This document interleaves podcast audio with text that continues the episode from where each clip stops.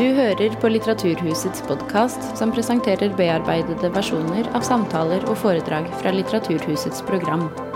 Er du interessert i mer informasjon, kan du gå til litteraturhuset.no for oversikt over alle våre arrangementer.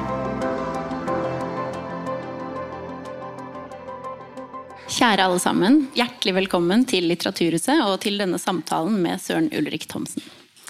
Mitt navn er Madeleine Gjeddemet, så jeg jobber med det litterære programmet her på huset. Det er umulig å orientere seg i nyere dansk litteratur uten å møte på navnet Søren Ulrik Thomsen. Alt begynte med den nyskapende diktsamlingen City Slang i 1981. Og forfatterskapet har siden vokst til en lang liste med poesiutgivelser og litterære essays. Thomsen har vunnet en rekke utmerkelser og vært medlem av Det danske akademi siden 1995 og generelt vært en av de viktigste og mest toneangivende stemmene innenfor dansk litteratur de siste 40 årene. I essayet 'Store kongens gate 23', som nå er ute i Hilde Rød Larsens oversettelse, trekker Thomsen opp linjene i forfatterskapet og i livet. Det handler om skriving og inspirasjon, om landsbyen og storbyen, om en psykisk syk mor, og om en voksende frykt for sykdom og alderdom, for å trekke fram noen hovedtemaer i denne sammensatte litterære memoaren, som vi skal få høre mer om her i kveld. Thomsen er en forfatter som stadig trekkes fram som et forbilde av andre forfattere, både innenfor og utenfor Danmarks grenser. Her i Norge er poeten Kjersti Bjørkmo en av hans mange tilhengere, og hun skal lede oss gjennom kveldens samtale om liv og skrivning. Ta godt imot Kjersti Bjørkmo og Søren Ulrik Thomsen.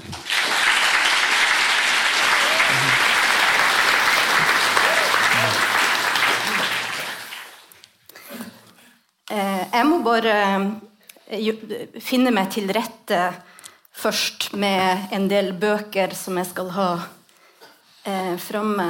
For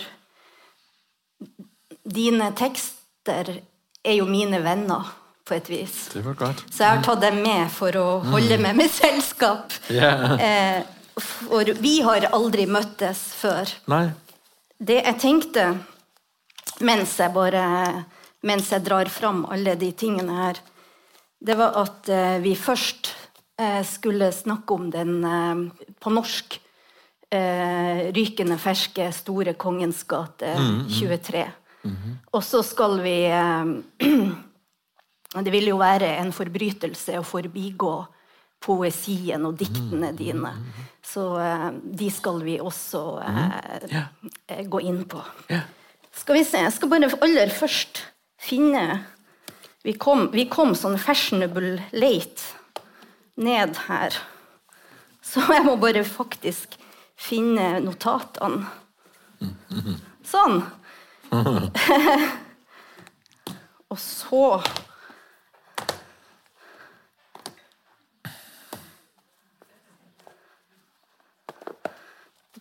Der. Der har vi både en norsk utgave oversatt av Hilde Rød Larsen, utgitt på Press forlag, og så har vi den danske. Og jeg tenkte rett og slett at vi begynner eh, med de aller to første linjene i Ja. boka, som jo er 14. mars, kort etter midnatt, døde min mor.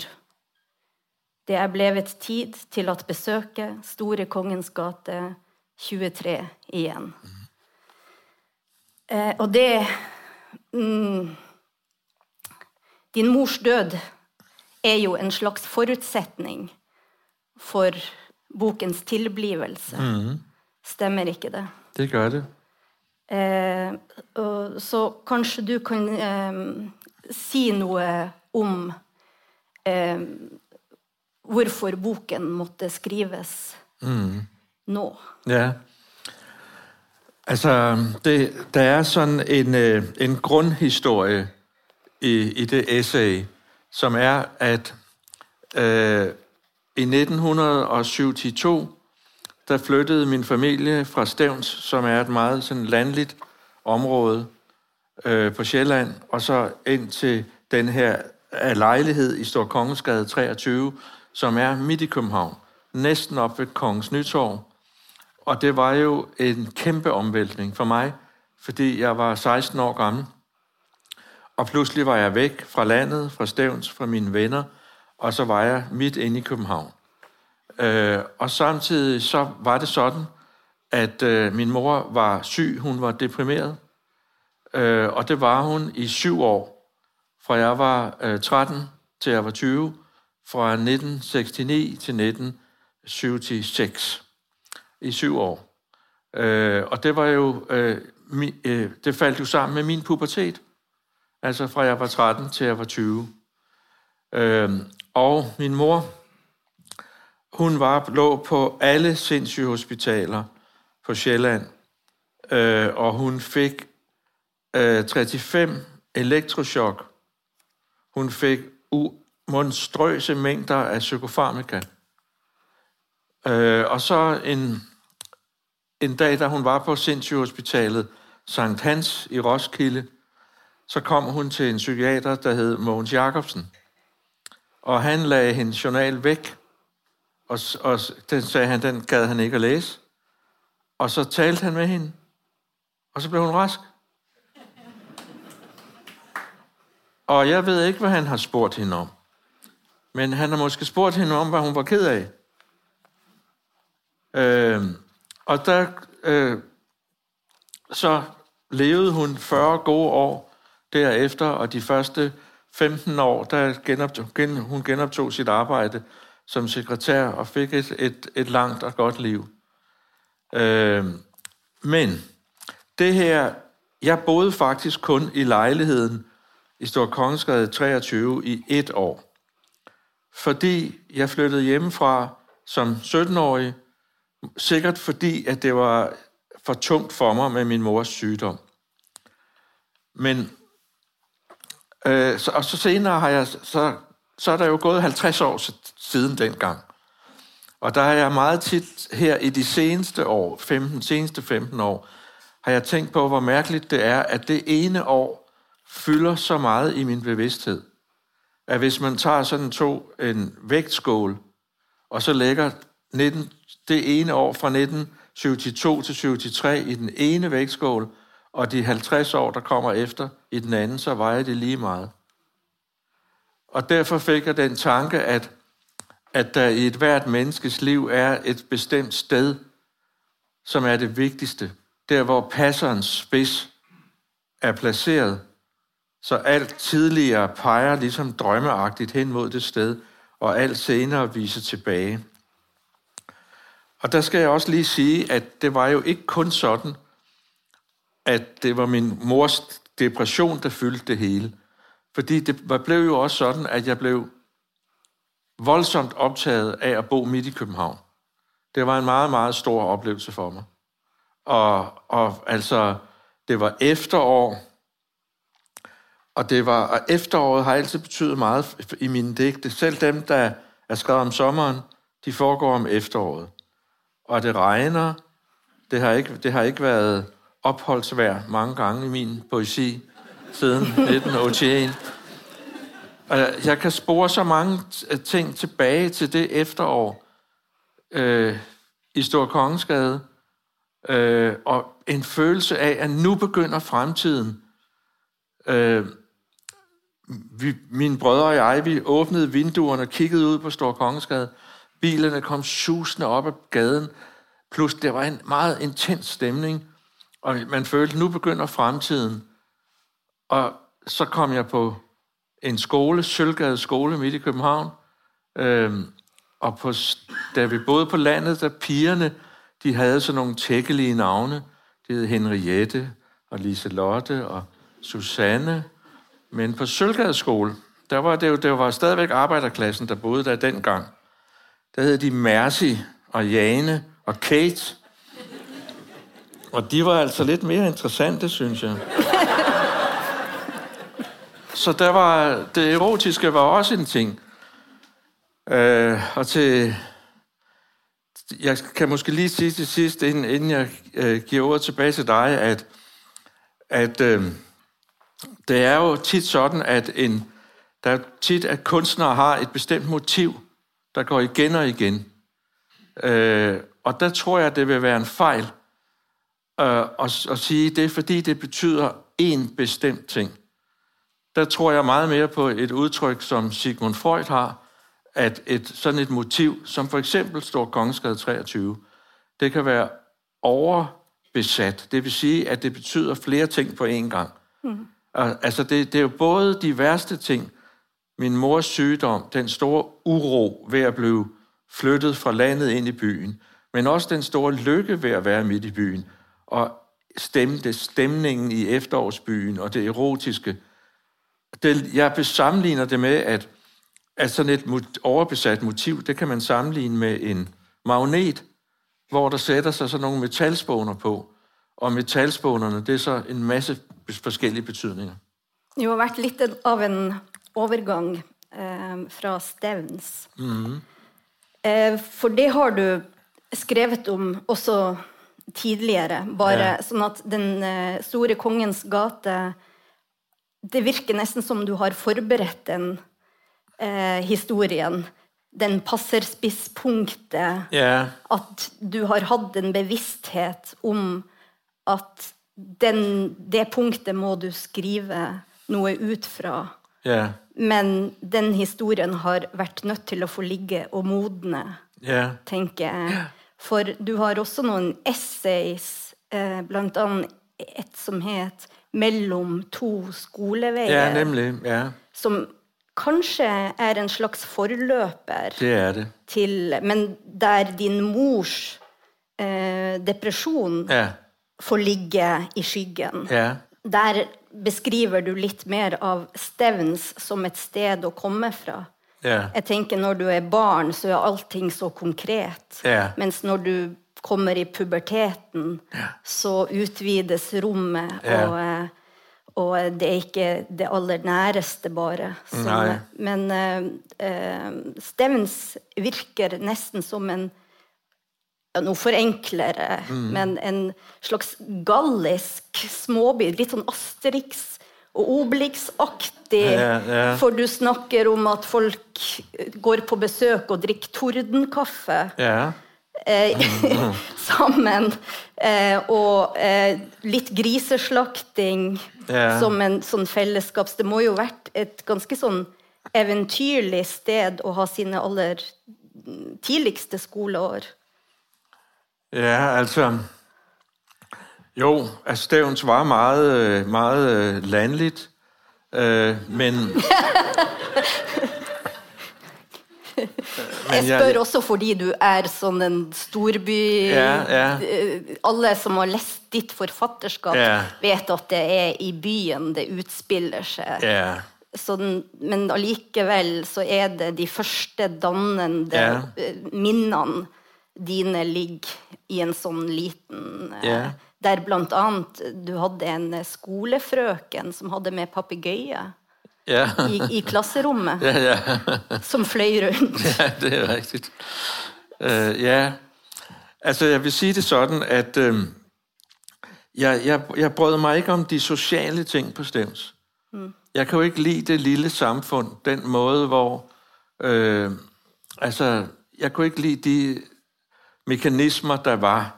Altså, jeg har også skrevet om det i den bog, der hedder En hårnål klemt inde bag panelet. Der har jeg skrevet om for eksempel, hvordan man behandlede de åndssvage. Altså, det var, der var, øh, der var øh, mange sociale ting, som jeg ikke kunne lide i den lille by. Og derfor så var det, det var en af grundene til, at det var en stor befrielse for mig at komme til en stor by. Fordi pludselig var man anonym, og man kunne bare gå på gaden, uden at de kendte hele ens fortid, og folk glodede på en, og altså, der, der var, altså, men på mine gamle dage, der tænker jeg, at noget af det, jeg ikke kan lide, det er ikke kun provinsen, men det er i det hele taget det mikrosociale. Altså, jeg kan ikke lide små grupper af mennesker. Mm. Fordi det, jeg kan lide at være i en stor by, hvor, hvor der er en masse mennesker, og man er anonym, og så har man sine personlige venner, som måske ikke kender hinanden indbyrdes. Øh, men jeg, jeg bryder mig ikke om foreninger og klubber, og, for det er altid det samme, der foregår, at Nogen rotter sig sammen mod nogle andre, og nogen skal udstødes. Og, og det var jo de ting, som var meget tydelige på Stevens. Men du spørger om det der med, om bogen har været forberedt. Om jeg Altså, det er sådan, at i 1976, da min mor blev udskrevet, der købte jeg en bog af den tyske forfatter Peter Hanke. Øh, en bog, der handlede om hans mors selvmord.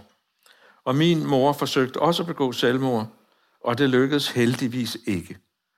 Og den bog, den hed, på dansk hed den Ulykkelig og uden ønsker, Wunschloses Unglück. Øh, og da jeg læste den, så, så tror jeg, at jeg allerede dengang vidste, at sådan en bog ville jeg også skrive en dag. Men jeg kunne ikke sætte mig ned og skrive den som 20-årig, fordi min mor brød sig ikke om, at der blev talt om den tid, hvor hun var syg. Øhm, også fordi hun mødte mange mennesker senere i sit liv, som hun var glad for at være sammen med, og, øh, og hun ville ikke have, at de skulle opfatte hende som en psykiatrisk patient. Øh, så døde min mor for et par år siden, og så satte jeg mig ned og skrev den her bog. Øh, og det betyder jo, at det er blevet en meget anderledes bog, end det ville have været, hvis jeg havde skrevet den som 20-årig. Der var en af anmelderne, der skrev, at sådan en bog er der mange unge forfattere, der debuterer med i dag. Altså en bog om deres families historie. Øh, men fordi jeg har skrevet den så sent, så har det jo givet forskellige fordele, synes jeg. Hvis, hvis det havde været den første bog, jeg havde skrevet, så ville de digte og essays, jeg skrev senere, jo blive læst i lyset af den historie. Så vil man sige, nå, det er nok derfor og derfor. Og det vil så sige, at mine digte og mine essays, de har haft 40 år på fri fod, hvor de kunne læses i deres egen ret. Men det betyder jo også noget andet, fordi at jeg skriver den på mine gamle dage, fordi det betyder så, at den her historie, som jeg fortæller i bogen, den tiltrækker refleksioner øh, over alle mulige andre ting. Øh, altså om frygten for alderdommen og mm. øh, forventningen, at man kun kan leve, hvis man har en forventning til, at i morgen vil blive bedre end i dag. Og alle sådan nogle refleksioner kunne jeg jo ikke gøre mig som 20-årig. Mm. Så det er blevet et essay, der handler om, om mange ting. Ja, det er jo et ganske stort spænd mellem 16-åringen, som yeah. eh, flytter til København og tænker, nu begynner fremtiden, yeah. og eh, eh, den forfatteren som sitter og skriver om eh, at, eh, og gjør seg tanker om at en dag vil også framtiden slutte yeah, å strømme mot en. Yeah. Altså at den framtiden er en knapphet. Mm. Eh, for det, og i det spennet yeah. eh, utspiller eh, denne boka seg. Jeg tenkte egentlig så hadde jeg litt lyst, når vi var kommet eh, eh, til den Du har en eh, eh, nydelig parti som nettopp handler litt om den skjørhet og frykt mm. Eh, som, eh, som, man gjør seg. Eh, og da had, lurte jeg på om du kunne tenke deg å lese ja, eh, litt høyt. Og da skal du få den danske versjonen. jeg tenkte Jeg merker det er nettopp det som går Det kan passe bra å hoppe inn der nå. Så hvis du bare kunne lese Det blir litt, kanskje litt langt, men bare les fram til det. Jeg frygter pludselig at synke sammen på S-togsædet en fredag eftermiddag på en af de højtliggende stationer syd for København, mens lyset fra et nærliggende industrikøkken brænder gennem novembermørket. Men jeg frygter også alderdommen. Jeg frygter sygdommene, særhederne og loftsbelysningen over linoleumsgangene på de institutioner, der hver 10 år får et nyt navn af skam over lugten af afføring og kemi, som klæber til det forrige. Alderdomshjem, plejehjem, rehabiliteringscenter, botilbud. Jeg frygter de små symptomer, som i deres tvetydighed enten kan være harmløse eller fatale. Den lille kortåndethed, som nok bare skyldes, at man jo ikke ligefrem er idrætsmand, og ikke nødvendigvis er et forvarsel om kvælningsdøden. Den jagende smerte, som kunne udstråle fra noget, der lurede i knoglerne eller gærede i tarmene, men også kan stamme fra en muskelinfiltration eller en nerve i klemme. Findes det? Tasterne, men let for tit ikke rigtig rammer, og køkkensagerne, der af og til falder ud af hænderne, og som jo ikke straks behøver at lede tankerne hen på familiesygdommen Parkinson, men alligevel gør det. Hmm.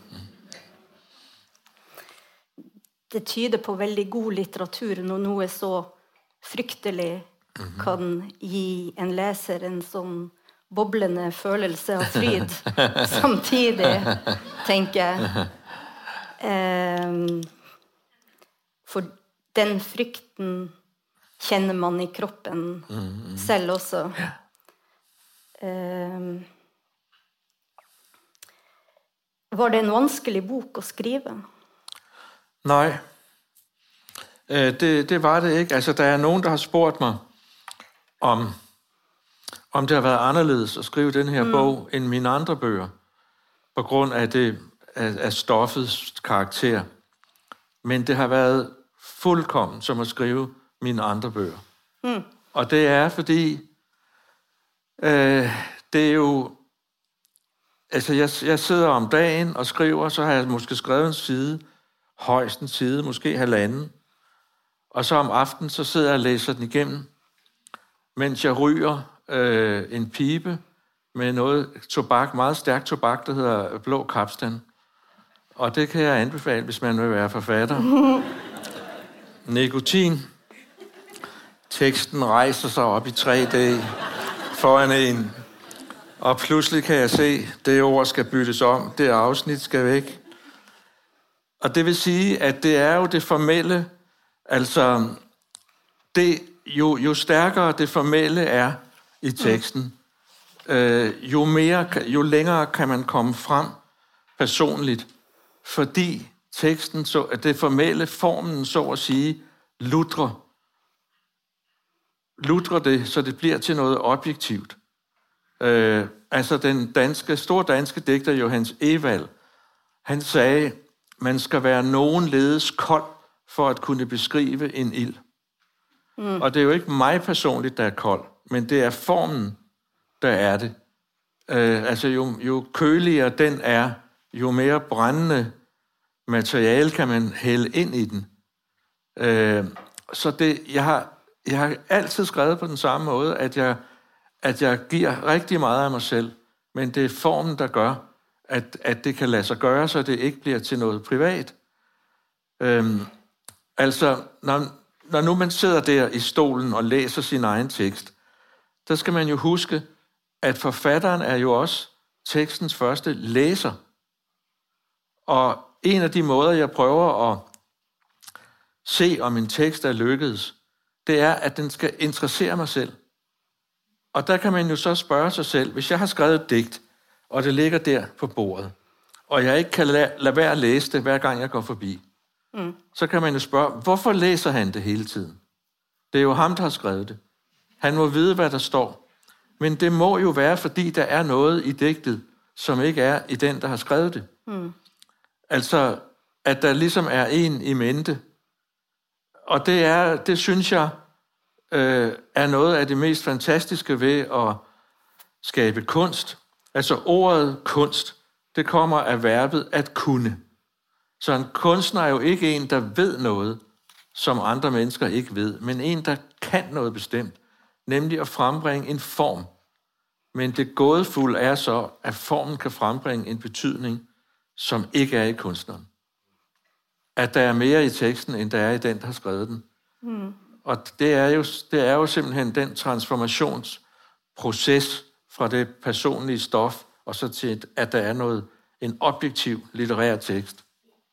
Kanskje vi kan dra det inn også i uh, uh, et annet spørsmål som ligger i i eh, Store Kongens gate.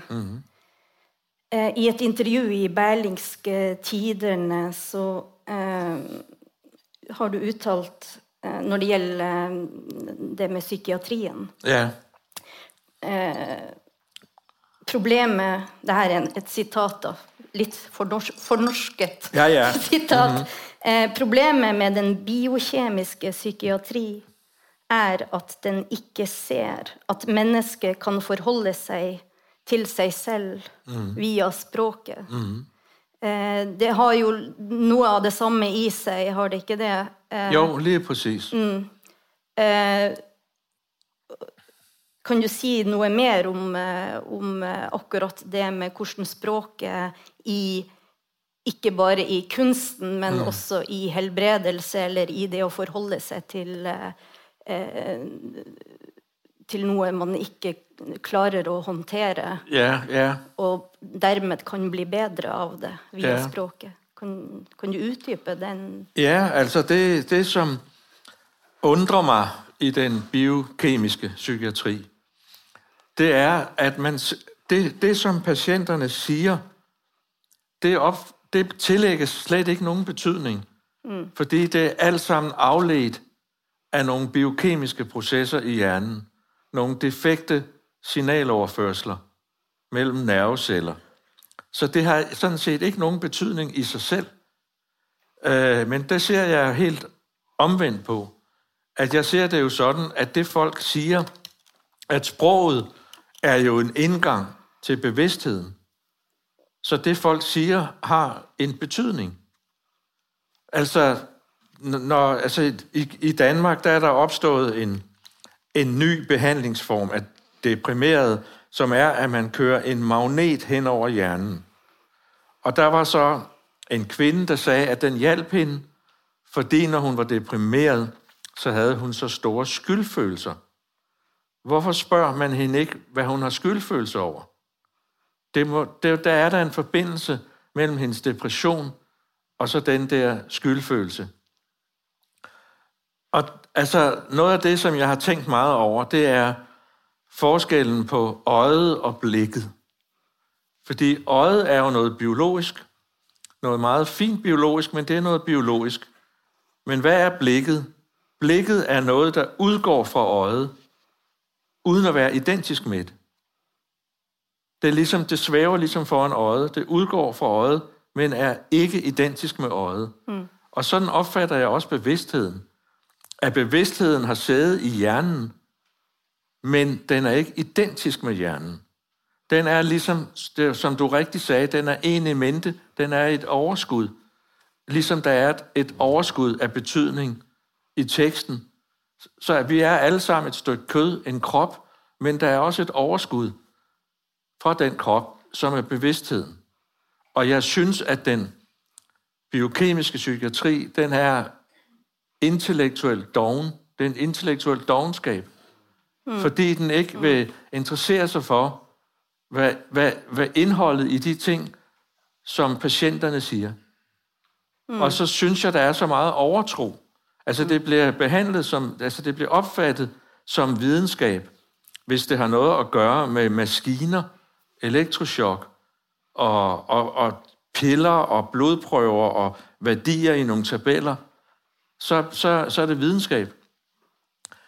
Men altså for eksempel, noget af det, jeg også skriver om i bogen, det er, hvis man tager navnene på de der psykofarmaka, mm. så hedder de altid noget med X og Z og ku gerne. Så hedder de Cyprexa og Midazolam og sådan noget.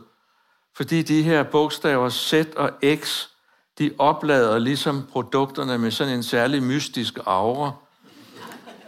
Og der er faktisk et sted på internettet, hvor man skal gætte om sådan et navn, om det er et psykofarmaka, eller det er en person fra Ringenes Herre.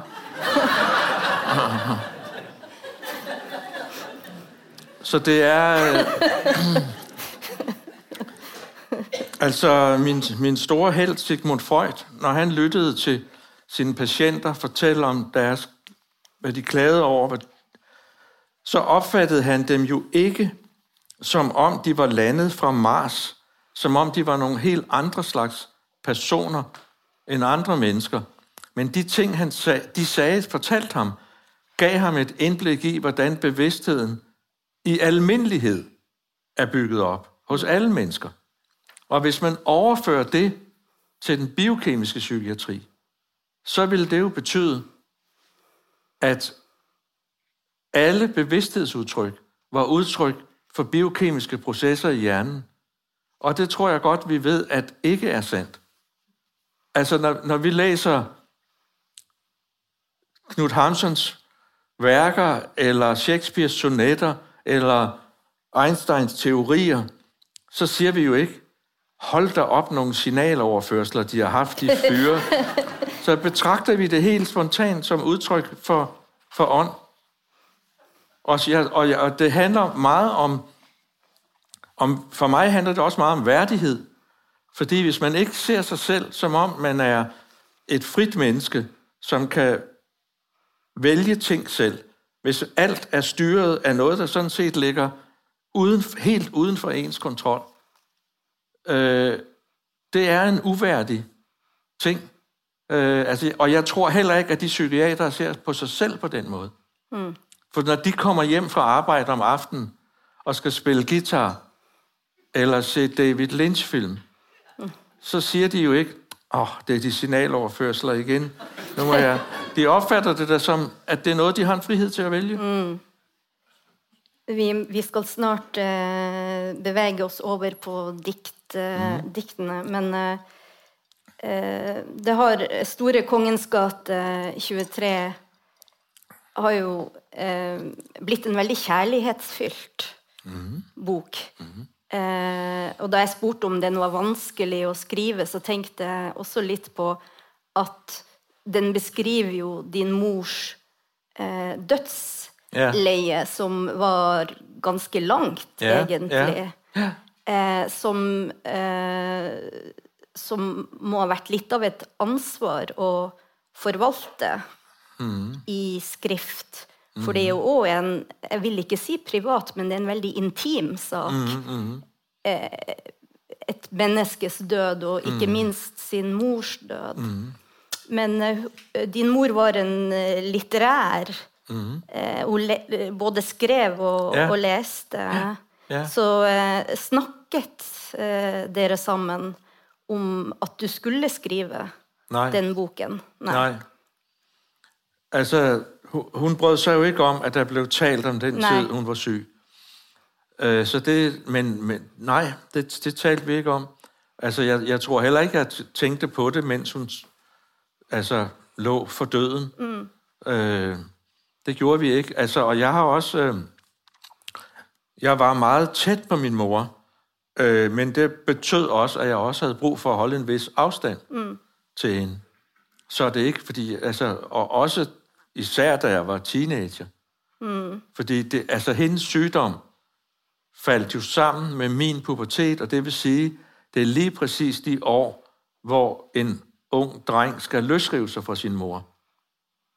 Det kunne jeg jo ikke, fordi jeg var så bekymret for hende. Mm. Så der, der var også en vis, øh, jeg var også nødt til at holde en, en vis afstand. Blandt andet så kunne jeg ikke rigtig holde ud og læse hendes digte mm. fordi det kom for tæt på. Men så til, til allersidst, øh, da hun sad på et såkaldt rehabiliteringscenter, der havde hun fået sine digte øh, i sådan nogle store ringbind. Og der vidste jeg, at dem skulle jeg læse alle sammen. Mm. Fordi ellers ville jeg bebrejde mig selv resten af livet, at jeg ikke havde læst hendes digte, mens mine egne digte havde fået så meget opmærksomhed. Mm. Ikke mindst fra hende. Så men det, det, det er også et for, bogen er også et ønske om at give min mor øh, genoprejsning. Mm. Øh, på vegne av uh, deg sjøl, eller på vegne av uh, gjenoppreisning? På vegne av uh, uh, samfunnet, verden? På, på vise hende Altså, jeg synes jo, hun blev forfærdeligt behandlet mm. i psykiatrien. Så jeg vil gerne vise hende som den intelligente og humoristiske og sanselige mm. stor person, som hun var.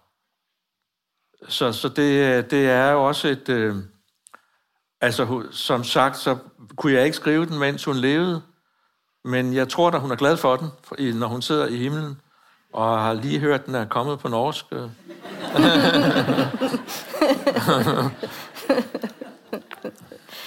Eh, skal vi gå over Tiden går mye fortere enn man tror. Det gør det, ja. Du som har skrevet ut, flere bøker som har tiden som, Ja. eh, som omdreiningspunkt. Eh, jeg tenkte da jeg snakket med venner og sa at, eh, at du skulle komme hit til Litteraturhuset eh, Det er Jeg vet det er mange som sitter i salen her, som har eh, har eh, dikt som, eh, som favorittdikt.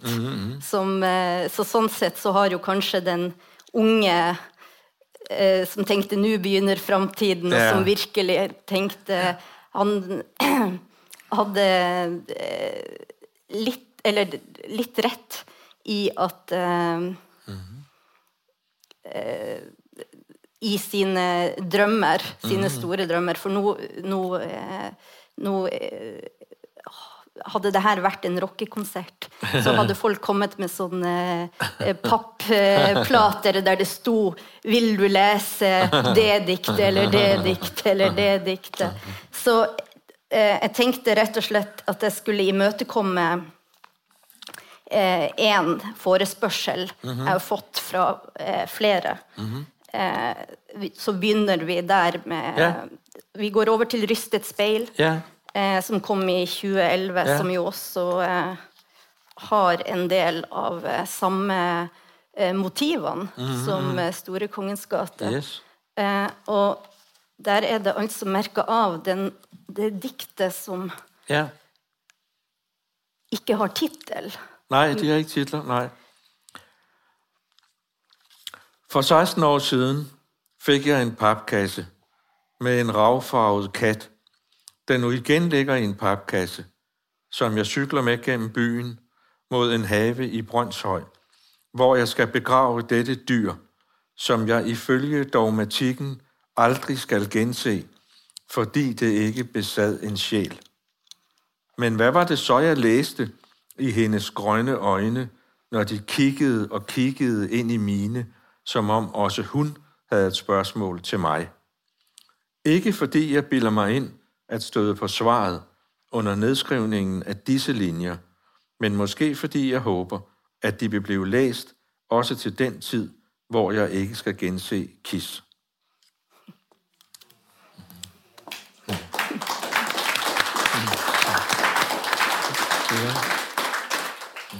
Din diktergjerning, offentlig i hvert fall, startet i et eh, tidsskrift som het Hvetekorn. Ja, Eh, Der fikk du publisert dine første, ja, dine første dikt.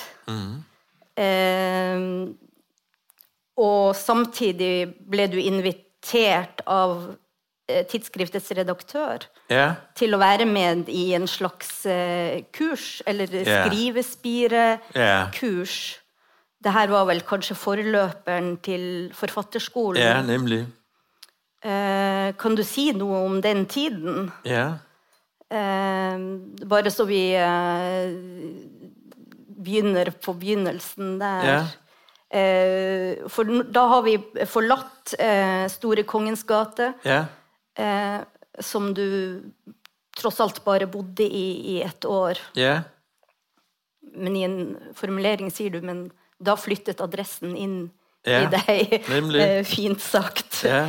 Eh, og så eh,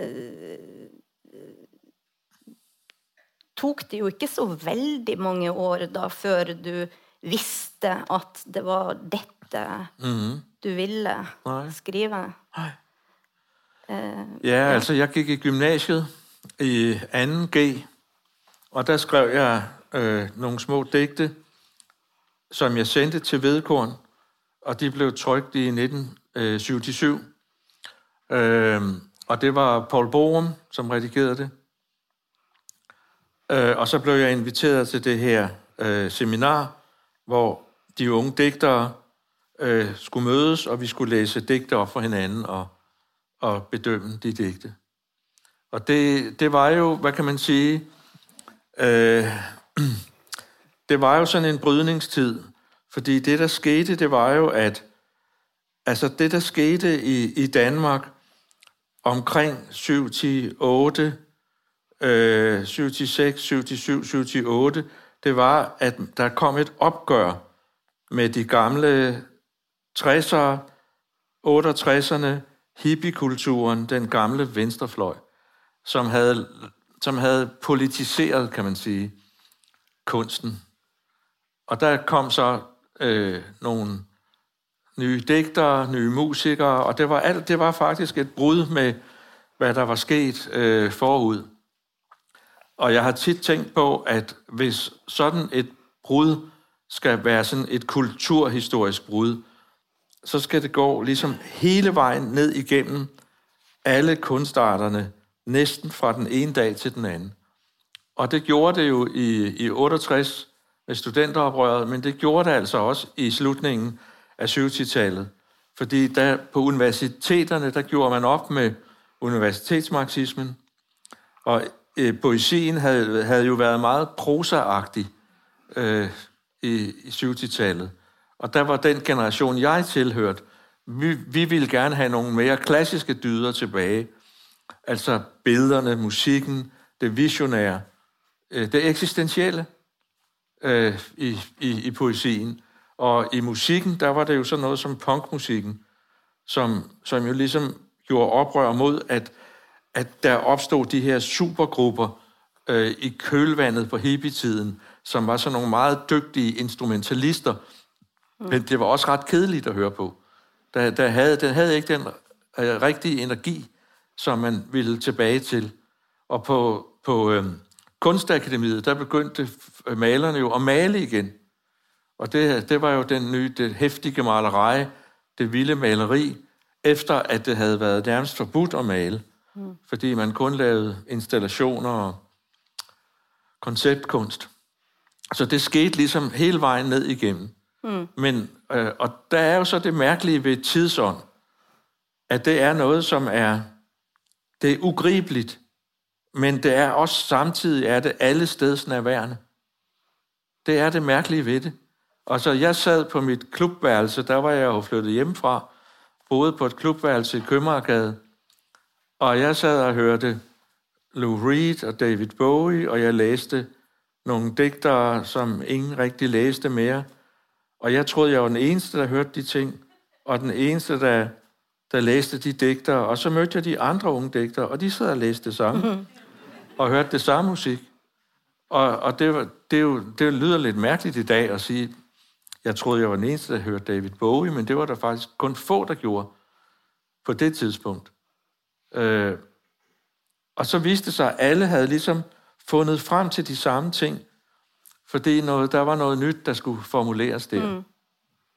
Så det var en, en del af det. Og så øh, i øvrigt i forhold til så Kongensgade 23, så var der jo også det ved det, at storbyen blev pludselig et vigtigt ikon. Og det havde den jo ikke været før i tiden, for den gamle venstrefløj og de gamle hippier kunne jo ikke lide storbyen. Mm. Fordi storbyen, det var jo fremmedgørelse, og det var alt det kunstige, det kunstige neonlys, og det var folk, der var maset sammen på, og alt, hvad der var i den foregående generation, det var jo naturreferencer. Altså, der var kokostæpper på gulvet, og hessian på væggene, og brune ris i madskålene, og indianske uldhuer på hovedet. Alt, alt var naturreferencer. Og der blev, altså det, der, hvad kan man sige, kunstigheden, storbyen, blev jo lige pludselig et ikon. Og der kan man sige, der havde jeg jo fået dobbelt op, fordi jeg både var en del af den generation, der dyrkede storbyen, men samtidig så havde jeg også mine personlige grunde til det, på grund af det, den tidlige flytning der, mm. midt ind i storbyen. Så min første bog kom jo også til at hedde så City Slang. Ikke? Ja. Der storbyen omtrent er en karakter uh, i City Slang. Mm. Uh, jeg tænker senere så kommer det litt mer eh, metafysiske størrelser Ja. inn. Eh, samtidig som storbyen hele tiden Ja. finnes.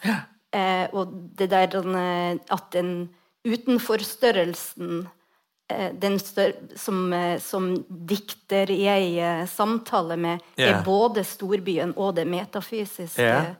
Eh, noe som eh, eh, Som jeg tenker kommer spesielt i hjemfalden, kanskje. Ja. Eh, Men nå foregriper Nå hopper jeg til Nei, nei, eh, det er fint. den, eh, Ja. Kom vel ti år etter debuten. Var det Ja, 90, hjemfalden 91? kommer ja, lige præcis 10 år efter. Ja. ja.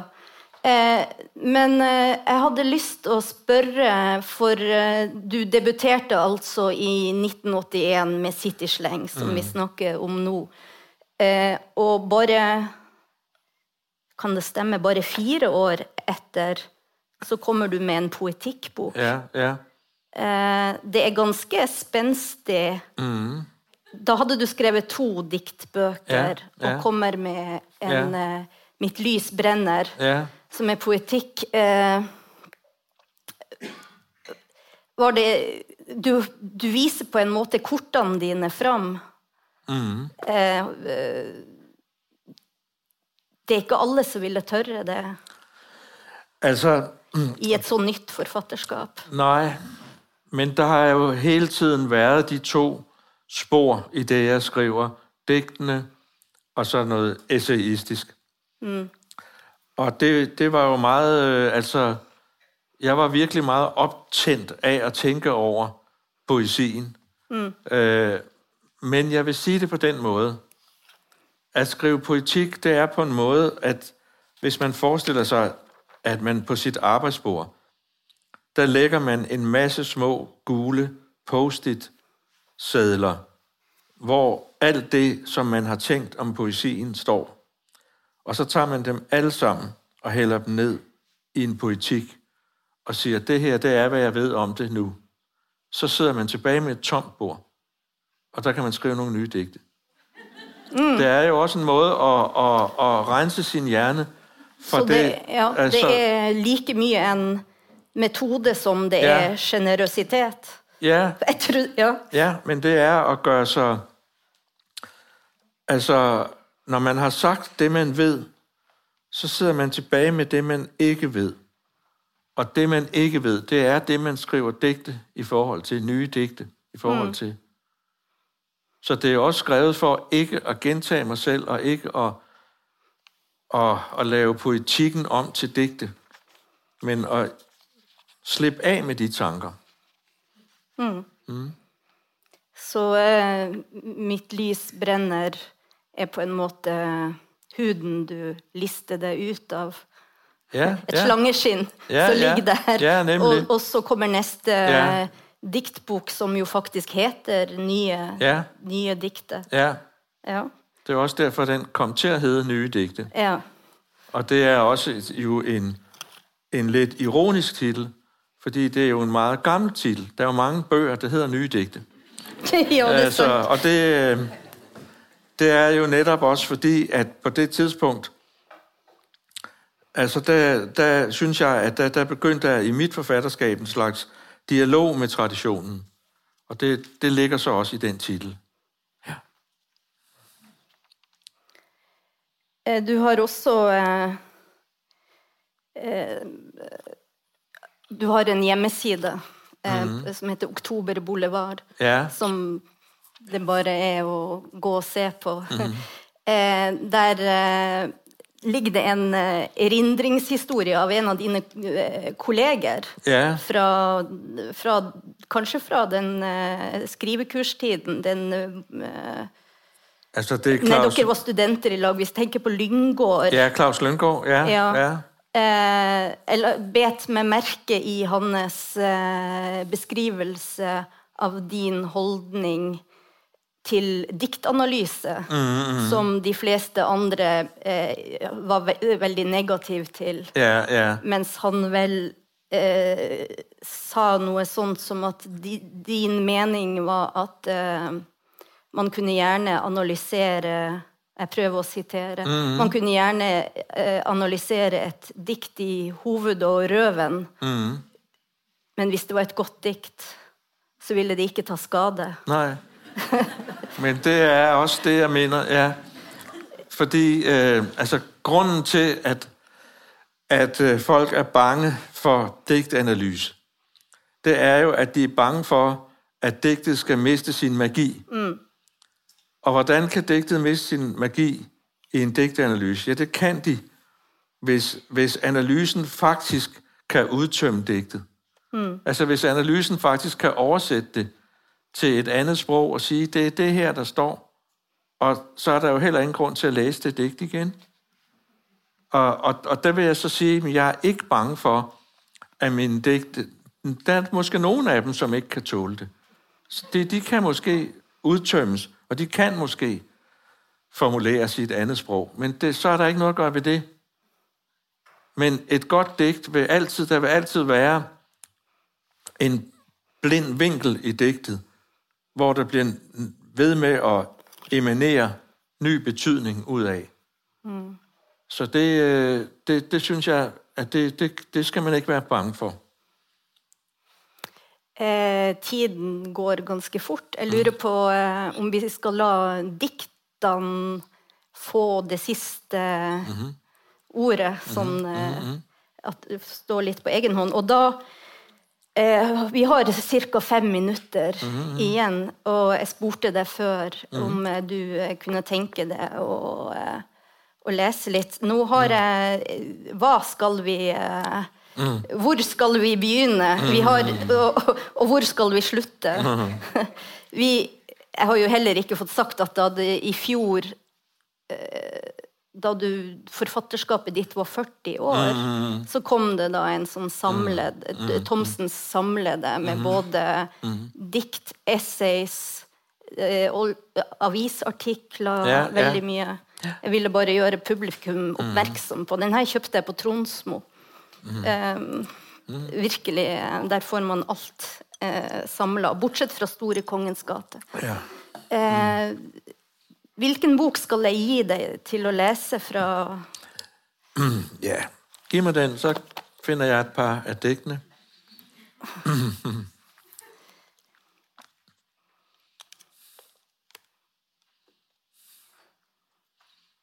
Og så må du ikke bry deg om mine, mine Nej, nej, nej, lapper. nej. Ja, men jeg tror, jeg, jeg læser et digt fra Hjemfalden. Min yndlingsbok, faktisk. Ja. Så det hadde vi ikke avtalt. Nej, det har vi ikke. Fantastisk.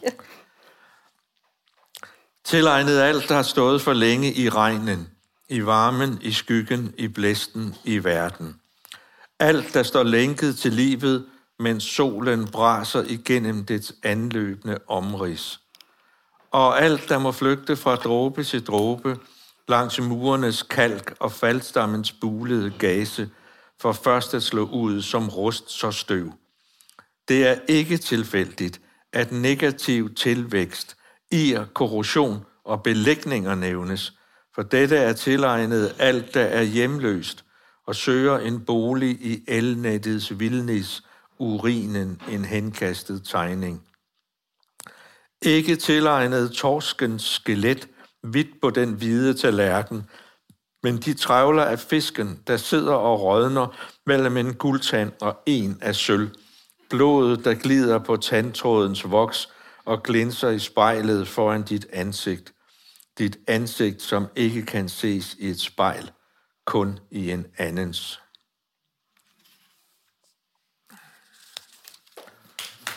Tak skal I have.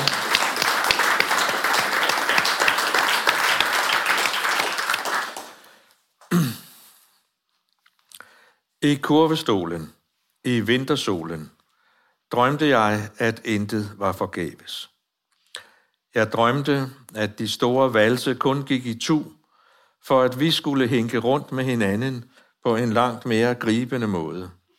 At de ufødtes afsindige skalager kunne noteres, de pludselige dødsfald læses som en skøn, svungen skrift. Jeg drømte, at du alligevel elskede mig, at ingen ensomhed er så stor, at kærlighedens dråbe går om kul i dens hav.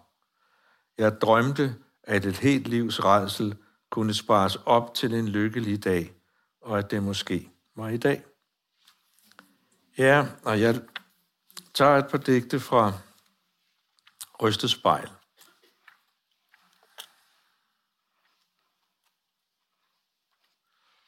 Mhm.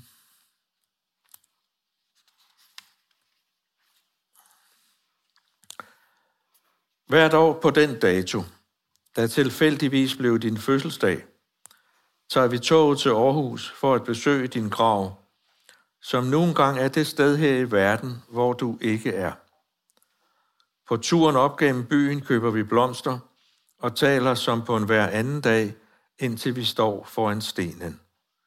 Og på vej tilbage regner det altid. Eftersom intet af dette giver mening, og alligevel finder sted, må det være af største betydning. Selvom du stadig er smuk, er det alligevel på en anden måde, end den gang vi dansede i regnen, og det skrøbelige kun var en del af din skønhed, der sad som en syl i mit øje.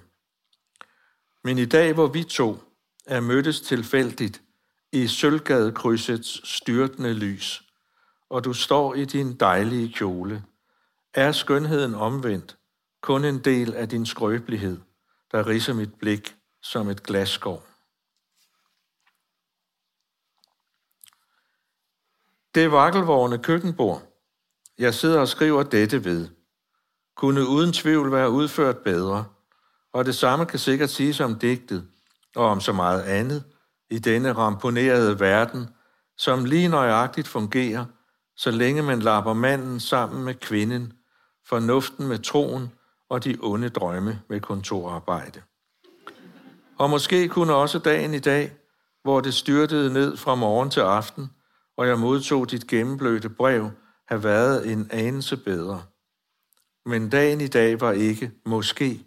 Den var der, og så var den væk. Derfor var dagen i dag den bedste. Og så det sidste digt, jeg læser. Spændende.